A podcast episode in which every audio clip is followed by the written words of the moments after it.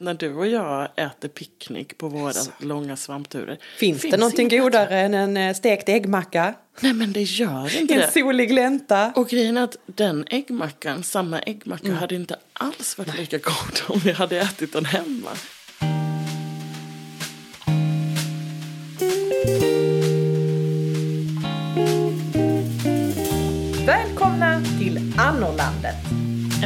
Om att välja ett liv på landet. Med allt det underbara, men också allt det skitjobbiga som det innebär. Stämmer den bonderomantiska drömmen? Ja, men det är det vi ska utforska i den här podden. Och ni kommer att träffa mig, Anna Lidbergius. Och mig, Anna Tenfelt. De två Annorna alltså. På landet. Annorlandet.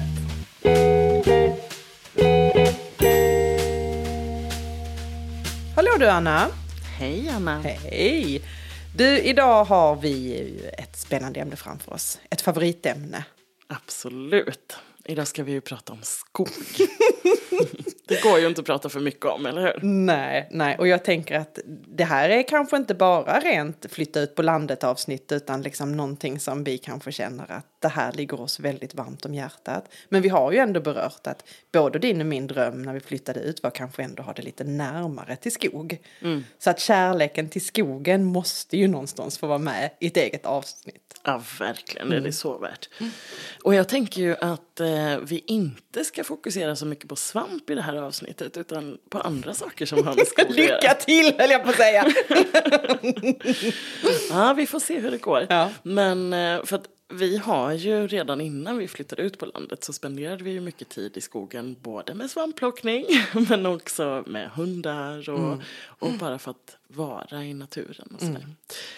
Eh, men du, eh, en förutsättning tänker jag för att prata om skog är ju att bara nämna i alla fall allemansrätten som vi har i Sverige. Som vi kan tacka för att vi får lov att ränna där ute titt som tätt. Ja, men det är ju verkligen helt magiskt.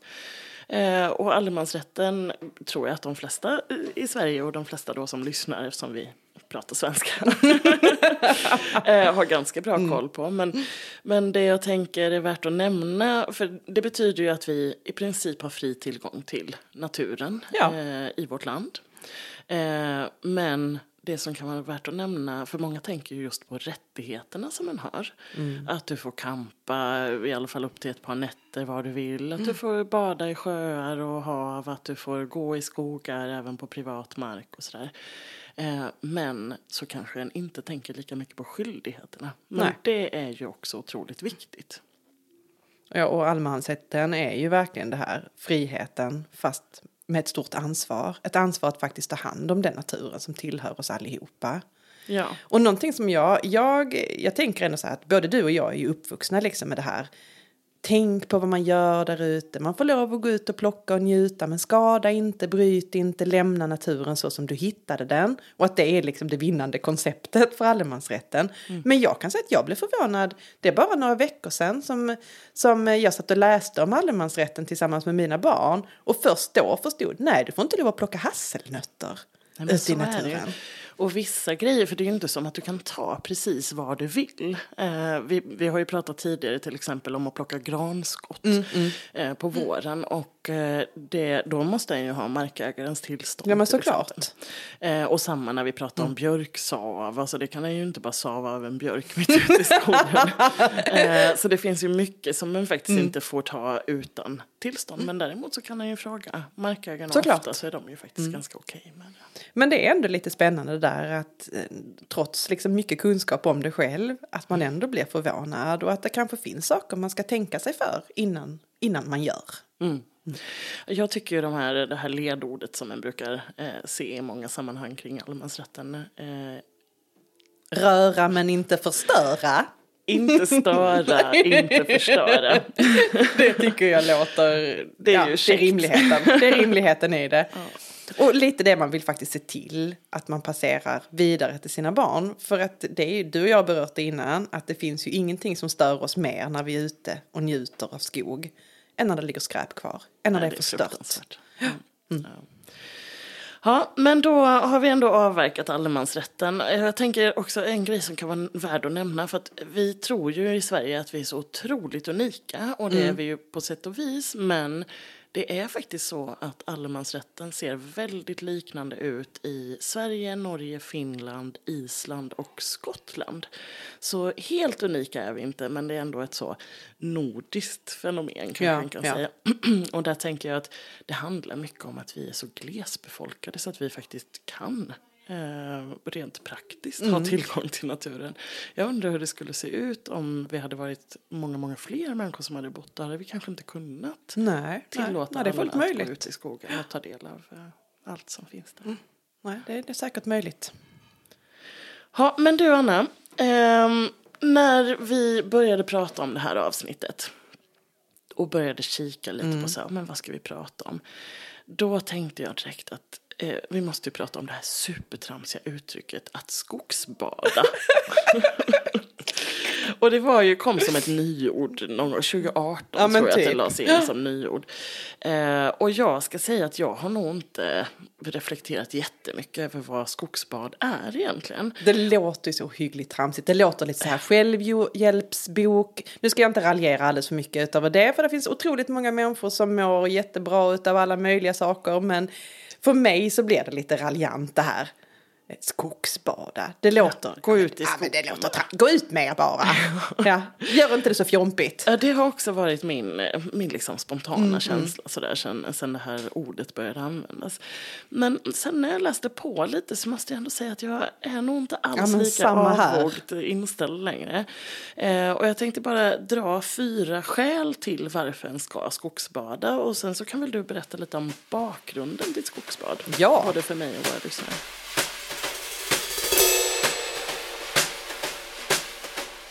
Skogsbad, det minskar stress. Det är ju verkligen någonting som känns viktigt i vårt samhälle idag.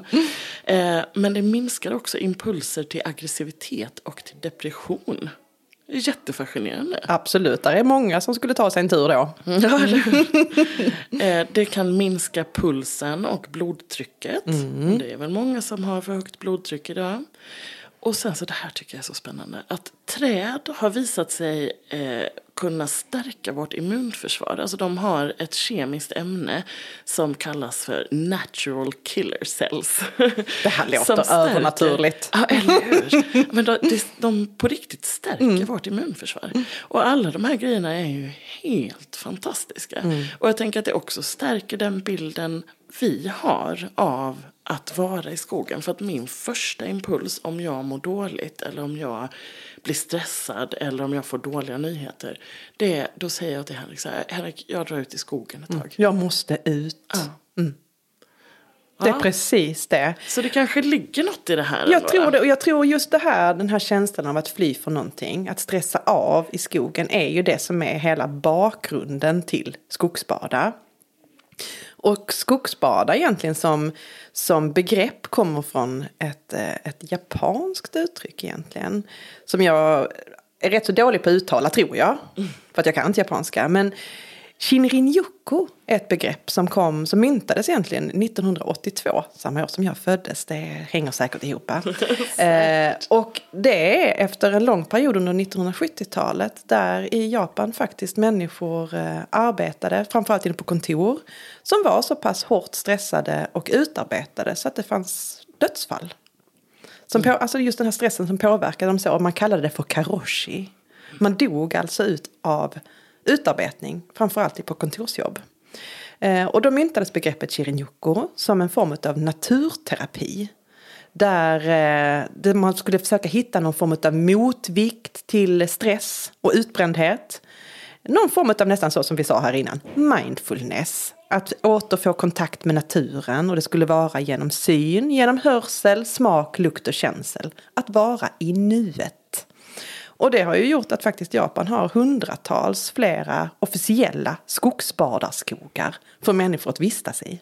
Mm, det är faktiskt jättehäftigt. Men fascinerande ändå. Och det häftigaste av det här är ju att de faktiskt märkte så tydliga resultat när de då, alltså de, det var ju receptbelagt ute i skogen. Ja. eh, och så gör ju faktiskt, alltså du kan ju få Finns receptbelagd genom motion. företagshälsovård i Sverige också. Precis, att du skickar ut folk i skogen. Eh, och det finns ju också som friskvård. Alltså Ja. de, väldigt många jobbar ju för företag som har friskvårdsbidrag. Och då är ju en av många aktiviteter ofta. Att du kan eh, ta någon kurs med Friluftsfrämjandet eller du kan ja, vara ute och göra olika aktiviteter i naturen.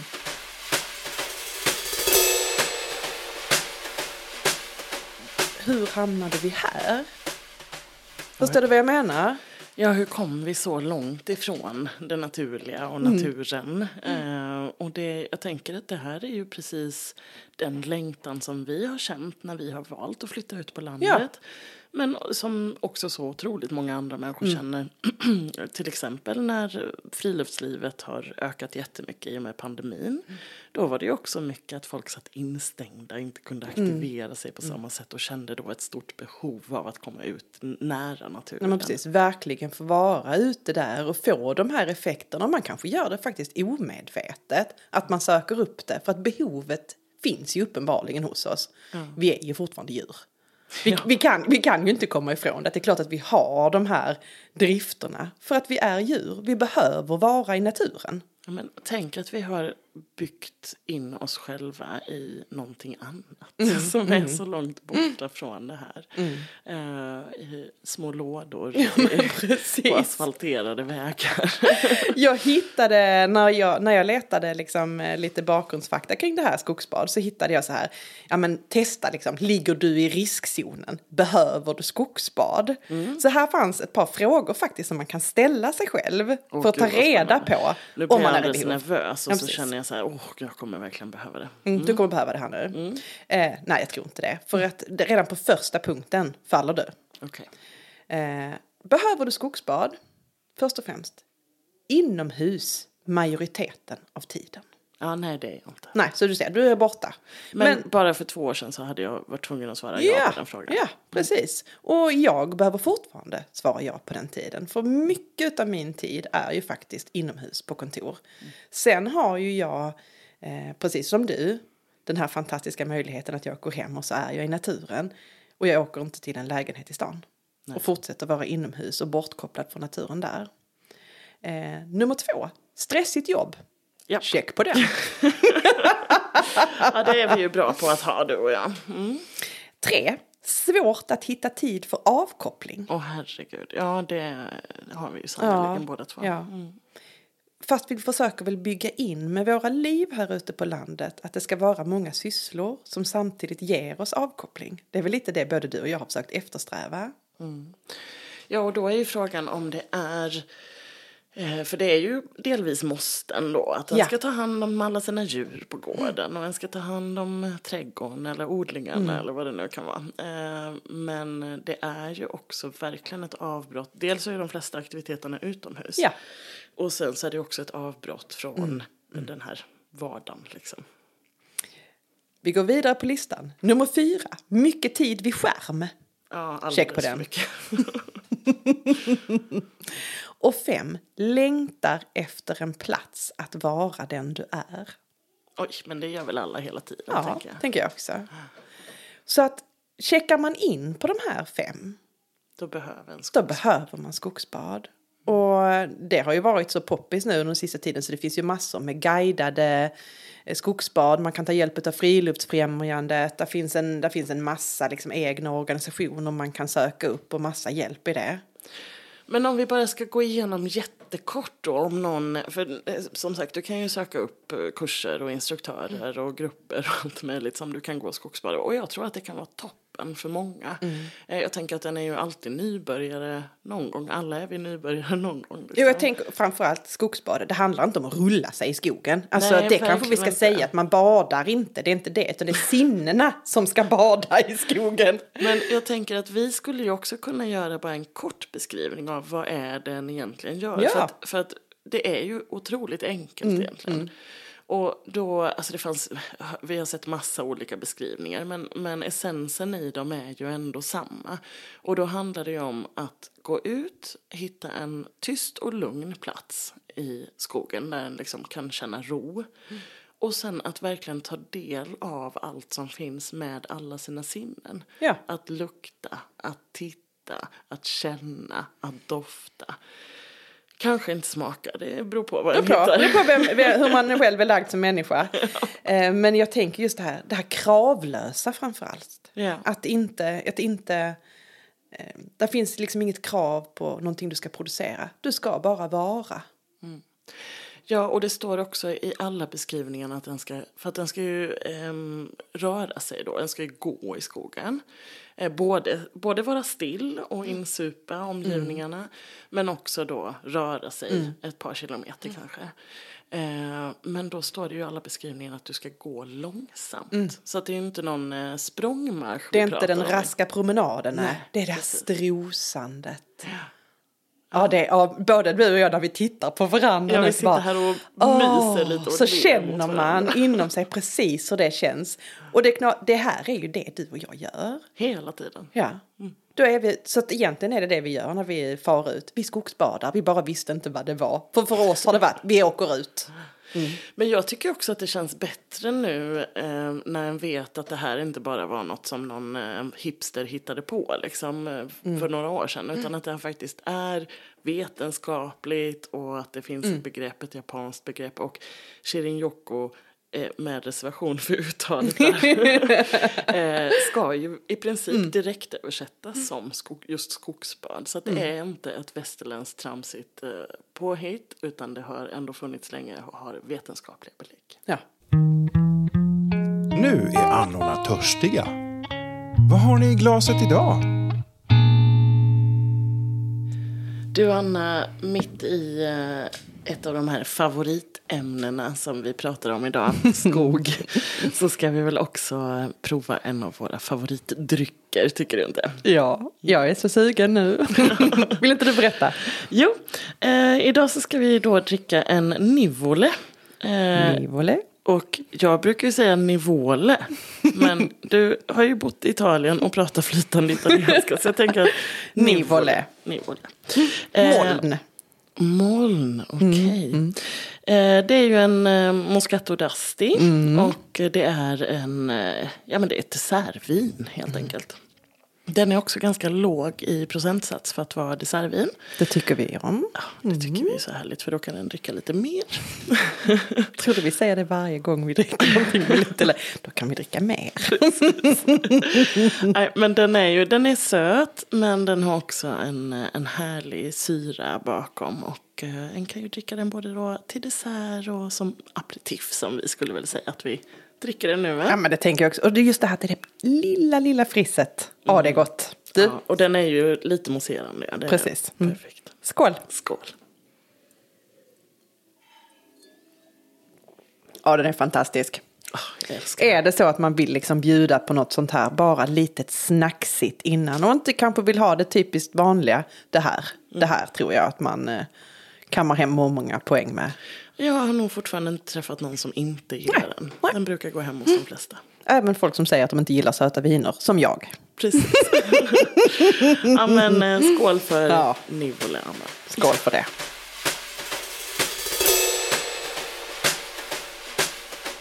Ja, Anna, nu har vi pratat en hel del om det här med eh, naturterapi och skogsbada egentligen som saker för att ha ett hållbart liv själv. Men för att det ska finnas någon göttig skog att gå där och skogsbada i så behöver vi också börja diskutera det här med, med hållbarhet och hur vi tar hand om de här skogarna som vi, vill, som vi vill ha möjlighet att gå i och få lov att ha en allemansrätt i. Mm. Ja, och då är vi ju inne på det här med eh, de tre olika områdena av hållbarhet igen. Jag tycker att Mm. vi hamnar där ofta. För att de kan ju inte riktigt verka utan varandra. Alltså, när vi varit inne på den sociala hållbarheten och när vi pratade om allemansrätten så vi ska ju också säga att allemansrätten är ju väldigt eh, jämställd. Alltså den Ja. gör ju att vi alla har samma rätt att ta Precis. del av samma saker. Du behöver inte vara rik för Du behöver att inte vara ta del av- markägaren. Nej, Nej. för att ta del av naturen. Eh, Men då är det ju också det här med den ekologiska och ekonomiska Mm. hållbarheten. Och där är det ju faktiskt så att vi i Sverige under väldigt, väldigt lång tid har haft ett helt ohållbart skogsbruk egentligen. Mm. Som påverkar eh, skogen jättenegativt. Och kanske framför allt, alltså när vi säger skogen så är det ju massor av olika arter av Nej, djur och växter och flora och fauna. Så.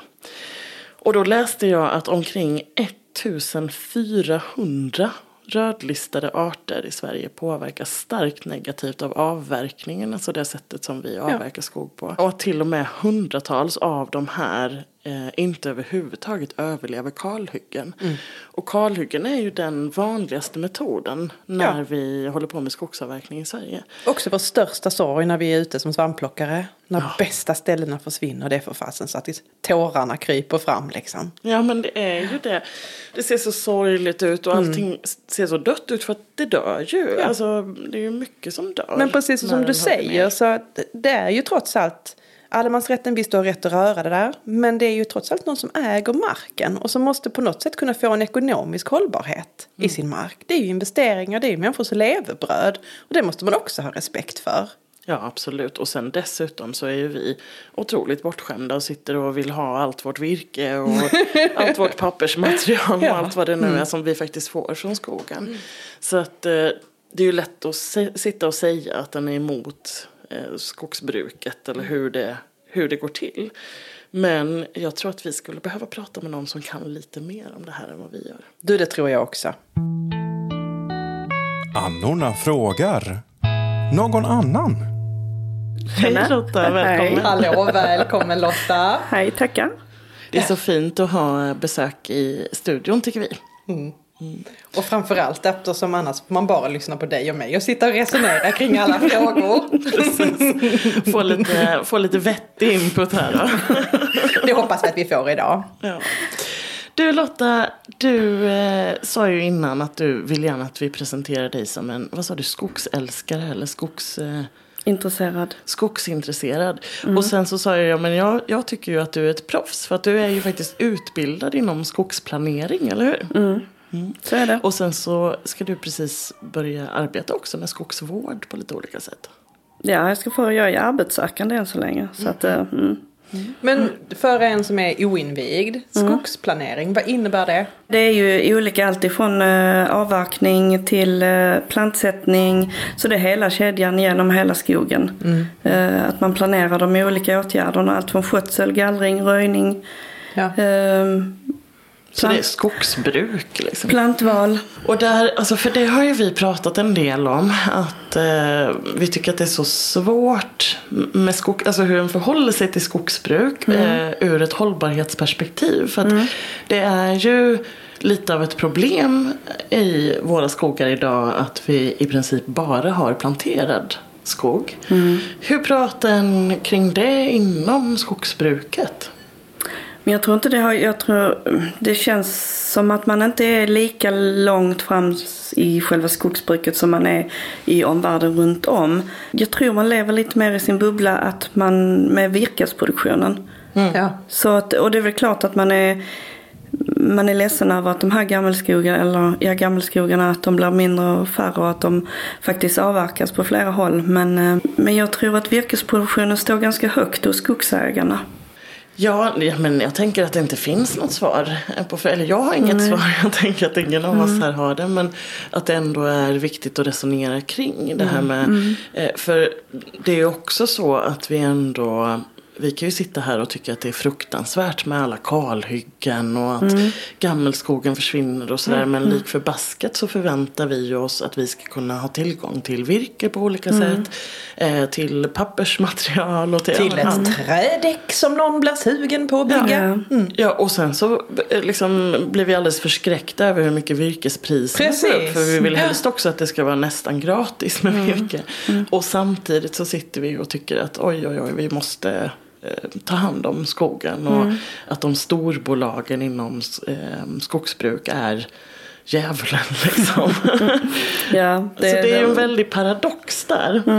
Men hur, hur förhåller du dig? Jag tänker du som både har en så stor kärlek till skogen men som också då eh, planerar att jobba inom avverkning och, och plantering. Alltså precis det här som är då en del av problemet.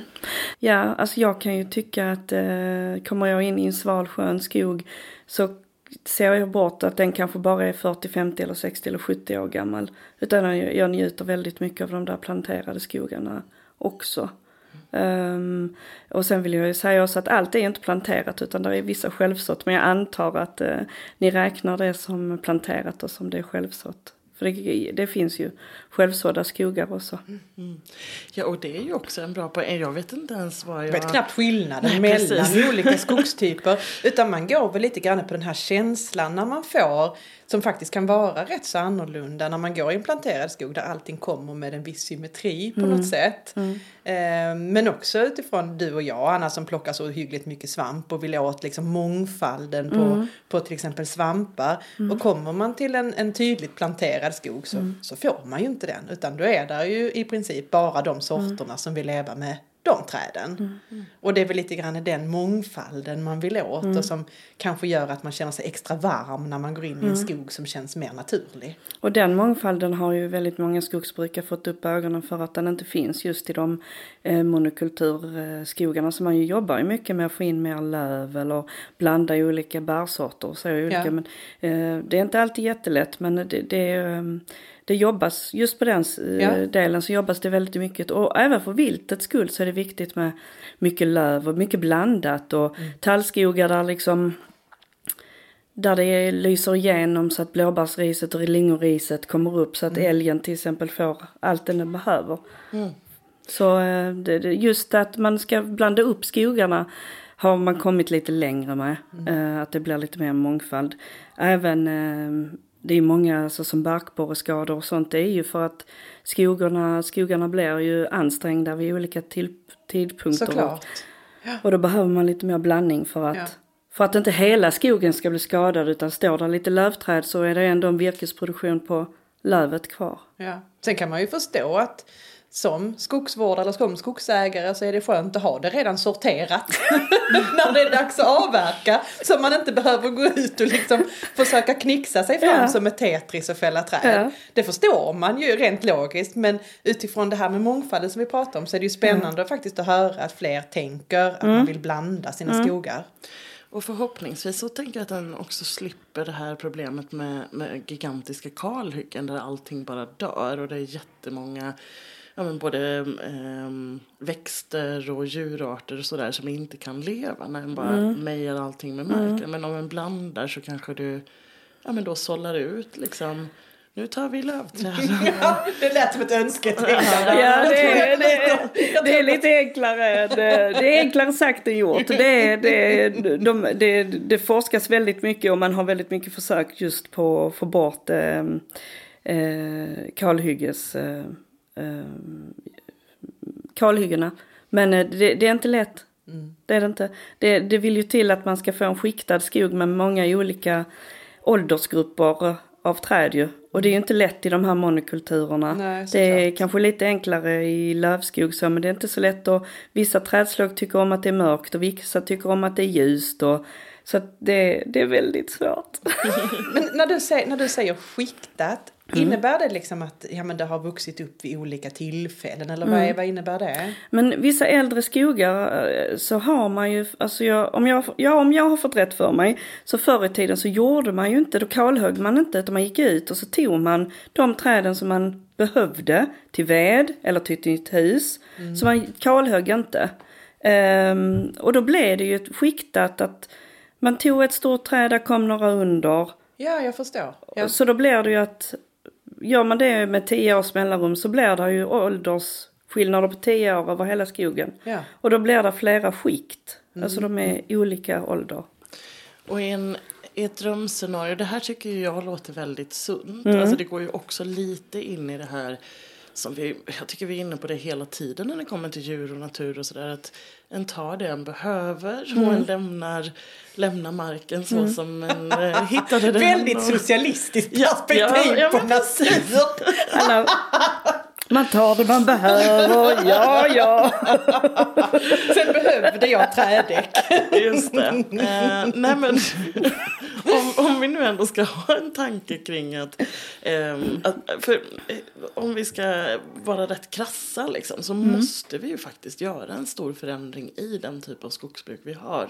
Ifall vi vill behålla den biologiska mångfalden och de biotoper som vi har i Sverige. Eh, och det är ju någonting som bör ske snarast. Jag, jag blir väldigt glad ändå att höra dig berätta att den börjar jobba mer med blandad skog och att du säger att det forskas mycket på det. Ehm, för att det är ju lite som eh, ja, men hur vi pratar om klimatförändringar och, och um, hållbarhet generellt. Att det, så här, det behöver ju, de stegen behöver ju tas nu. Och det låter ju såklart utopiskt när jag, när jag sitter och säger att den bara ska ta det den behöver. För det är väl klart att som skogsägare så behöver en ju också få ut pengarna från marken. För hur lång tid tar det Lotta? Alltså säg att jag, ehm, ja, men jag skulle köpa en mark som var nyavverkad. Så att det jag ska göra då är att börja plantera plantor, sätta plantor.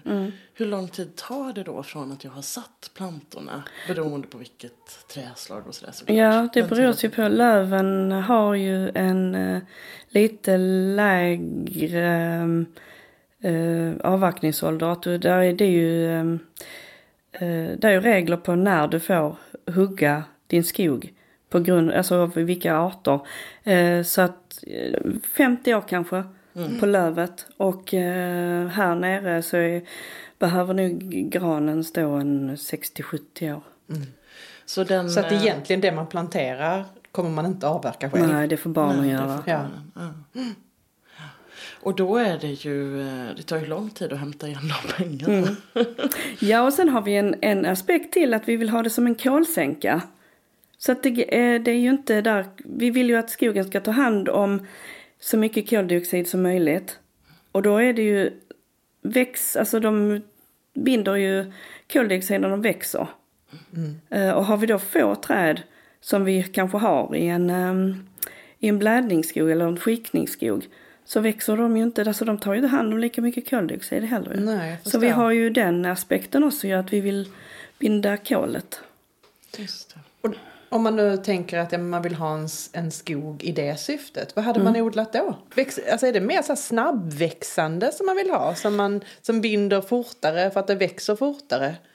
Ja, det de säger väl nu det är väl att man inte snabbväxande men att de växer så det tar, jag tror de tar 20 år innan skogen kan börja bli en kolsänka efter Ja, planteringen. Ja. Så den första biten så är den inte kolsänka utan då är binda så f- försvinner det koldioxid. Så, och sen att man ska låta, när den är fullvuxen skogen så borde den stå ett tag också. Eh, och sen är det ju att man ska tänka efter liksom på vad man använder skogen till. För att förbränner vi skogen som härliga, mysiga vedbrasor, då frigör vi ju koldioxidet igen ju. Såklart. Så det är så komplext. Ja, jag förstår. Jag förstår.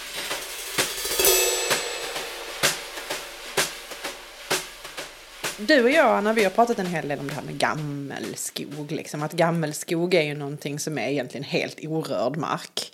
Eh, men att det då finns också gammalskog. Och det är egentligen ett helt nytt begrepp för mig. Jag bara läste på lite grann att gammalskogen ska vara den som i norra Sverige är ungefär 140 år gammal. Har stått så länge. Och i södra Sverige 120. Men att gammelskogen inte alls ska ha några spår av att ha röjts eller avverkats. Och det verkar som att det finns otroligt lite utav gammelskogen. Och vi säger ju, alltså jag tror när vi hittar en skog som vi upplever som att den är väldigt orörd, då säger vi så, åh, här, nu är vi i gammelskog. Men det finns i princip inte alls här nere Lotta, eller? Nej, jag tror jag inte. Utan man, man, det är nog en känsla så att man har, som du sa, att man kommer in i kanske ett, eh, ett rum eller att det är Det växer mossa. Och, ja, mossa. mossa. Nej, mossa är inte så bra. Nej, det tar ju väldigt lång tid för mångfalden eller för väldigt många arter att etablera sig. Så det krävs ju att, eh, att man tar vara på gammelskogen också ju.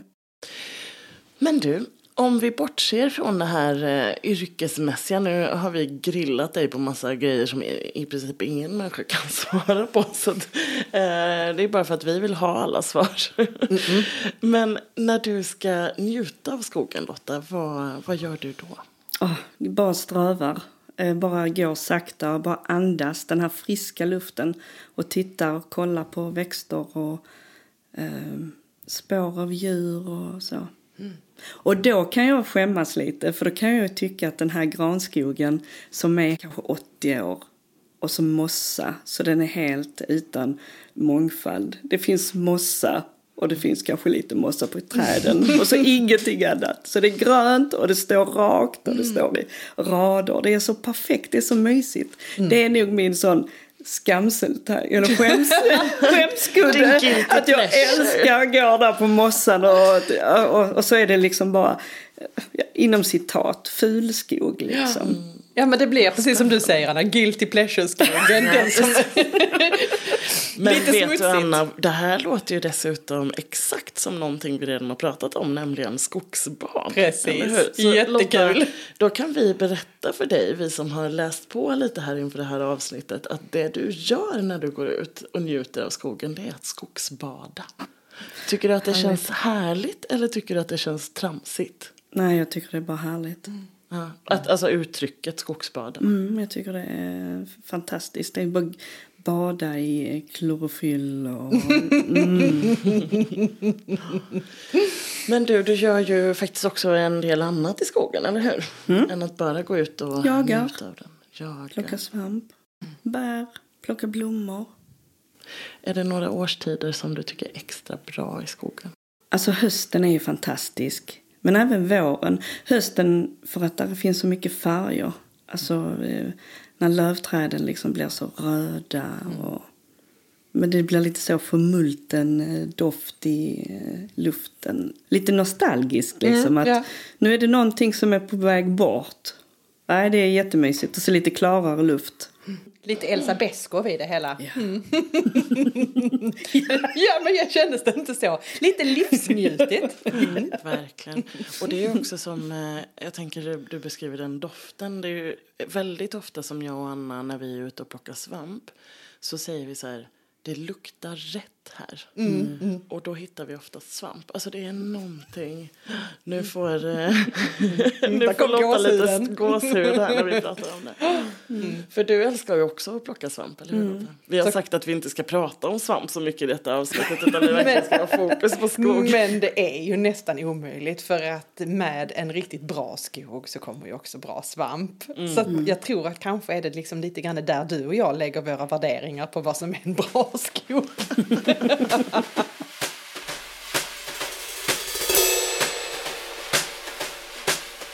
Men du Lotta, här innan vi avslutar vår stund med dig. Eh, har du några tankar om, om skogsbruk och naturvård på det sättet som du tänker är viktigt framåt? Ja, men det är väl den så cirkulära ekonomin. Att vi verkligen tar hand om det som vi, eh, vi en gång tillverkar och Ja. återanvänder, återvinner. Vilket också innebär att vi kanske någon gång i framtiden får ihop det här. Mångfalden, kolsänkan och eh, virkesproduktionen. Lite mer i harmoni. Ja, vilket det, det, det känns ju som att eh, för tillfället att det inte går ihop. Men man önskar ju, det, det måste ju gå ihop någon gång framåt. Ja, ja. Har du en tro på att det kommer göra det? Att vi kommer hitta en sån symbios på något vis där vi Ja. klarar det? Det tycker jag. Och jag tror mycket på forskning. Att eh, man faktiskt kan... Eh, helt plötsligt så kommer man fram till den där eh, perfekta skogsskötselmetoden som gör att man får både virke och eh, mångfald och en kolsänka. Ja, det låter Jag tycker det här, du sålde in det hos mig i alla fall. Hos mig också. Tack så hemskt mycket Lotta för att du ville komma hit idag. Är det redan slut? Jag vill vara längre.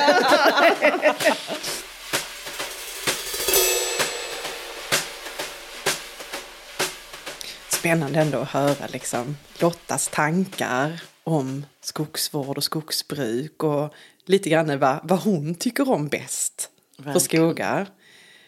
Jag är lite nyfiken Anna, kan inte du berätta vad din favoritskog är? Åh, gud. Alltså jag tänker att eh, all skog är min favoritskog. ja. eh, nej men, ehm, nej, jag måste ju säga att det som jag upplever som gammelskog, när vi kommer ut i skogen och, och känner att så här, det här är helt orörd mark. Ja. Här växer det massor av mossa, eh, massor av olika arter av både svamp och växter och olika typer av träd och sådär. Och när det nästan känns lite så trollskt. Ja. Då, det tycker jag är så magiskt. Men vi använder ju skogen till så mycket. Så det är ju alltid från så hundträning till jakt till eh, svampplockning och bär och alla andra grejer som man kan ta del av i naturen. Men också så, bara laga mat ut. Alltså jag vet när du och jag äter picknick på våra långa svampturer. Finns, det någonting godare än en eh, stekt äggmacka? Nej men det gör inte en det. solig glänta. Och grejen är att den äggmackan, samma äggmacka, hade inte alls varit lika god om vi hade ätit den hemma. Det är så magiskt att äta ute i naturen. Mm. Vad är eh, dina favoriter? Anna? Jag tänker också, att ni har ju precis köpt en eh, husbil. Åker ni ut med den i skogen? Vi har varit ute. Nu är det så här att det är väldigt eh, stränga lagar egentligen i Sverige hur du får lov att köra husbil i skog och mark. Det är liksom terräng, terrängkörselslag. Just Jag är lite osäker på hur, den, hur lagen heter. Men det handlar ju om att du får inte lov att köra ut i, i naturmark. Och det får inte ens markägare göra. Utan du får lov att bara köra på vägar och stå liksom där det finns naturliga uppställningsytor. Alltså du får inte köra av. Och det kan ju såklart vara lite klurigare. Men Sverige har otroligt gott om sådana ytor. Där det till exempel har varit avställningar där man har lagt virke vid något tillfälle vid skogsbruk och sådär. Och vi har ju varit ute med husbilen och stått liksom och frikampat mitt ute. Och, och ha liksom naturen ända in på sig. Det är ju fantastiskt. Så härligt. Helt ljuvligt. Men min favoritskog, jag tänker så här, det här är lite olika. Jag kan ju tycka, jag kan uppskatta vackra bokebackar. Så där i höstsolen, det knastrar under fötterna. Man gärna mot någon sluttning. Men jag kan ju också uppskatta Nästan det som Lotta beskrev här innan, den här, ja, men den här lite monotona skogen. Heter det monotona? Nej, det gör det inte. Men den är, liksom, den är väldigt ensidig. Där är liksom bara tall eller gran och så mossa på marken. Men där uppskattar jag ljudbilden som händer när man går. När fotstegen blir helt tystade. Där det nästan känns som att du går liksom helt instängd i någon liten, någon liten bubbla för dig själv. För ljudbilden blir så förändrad och det uppskattar jag massor. Så det är lite knasigt det här att man, vad, man, vad man uppmärksammar. Verkligen. Ja, och alltså, nu är du lite inne också på att du också uppskattar alla typer av skog. ja, ja. Men också att den vill ha variationen, att det Ja. ger så mycket med den här. Alltså, det är ju en helt annan upplevelse att gå i en lövskog mot en barrskog Mm, till exempel. Och att få lov att gå genom kuperad mark som skiftar mycket mellan olika skogssorter. Eh, där, där man kommer liksom i olika sån här skikt utav dofter, olika temperaturer, olika fuktigheter som det faktiskt blir. Och då är vi ju inne på det här att känna med alla sina sinnen hela tiden. Och det är väl det som klappar oss medhårs. Ja, ja men verkligen. Gud vad härligt. Ehm, du Anna, jag tänkte avslutningsvis att vi kanske ska fråga våra lyssnare vad deras favoritskog är eller deras favoritaktiviteter i skogen. Tänk så är det så att vi har lyssnare som kan komma med tips på saker att göra i skogen som inte vi har testat än. Det hade, varit Det hade ju varit jättespännande. Ja. Och sen undrar jag också om, eh, om ni har provat att skogsbada. Alltså sådär aktivt provat att skogsbada och vad ni har för tankar om det. Är det bara trams eller är det fullkomligt logiskt? Så ni får jättegärna höra av er till oss på eh, eh, Instagram eller på vår mail. Och eh, så hoppas vi att vi får ta del av era svar där. Superhärligt. Ut och skogsbada med er allihopa. Tack så hemskt mycket Tack för idag. Du har hört ett avsnitt av Annorlandet med Anna Lidbergius och Anna Tenfelt. Inspelat i Studio Mitt i Spenaten. Musik och ljudbearbetning av Rasmus Lidbergius och producerat av Henrik Smeding och Rasmus Lidbergius. Vill du komma i kontakt med annorna? Skriv till dem på hejatannorlandet.se eller på Instagram. Annorlandet presenteras i samarbete med Amplify Management.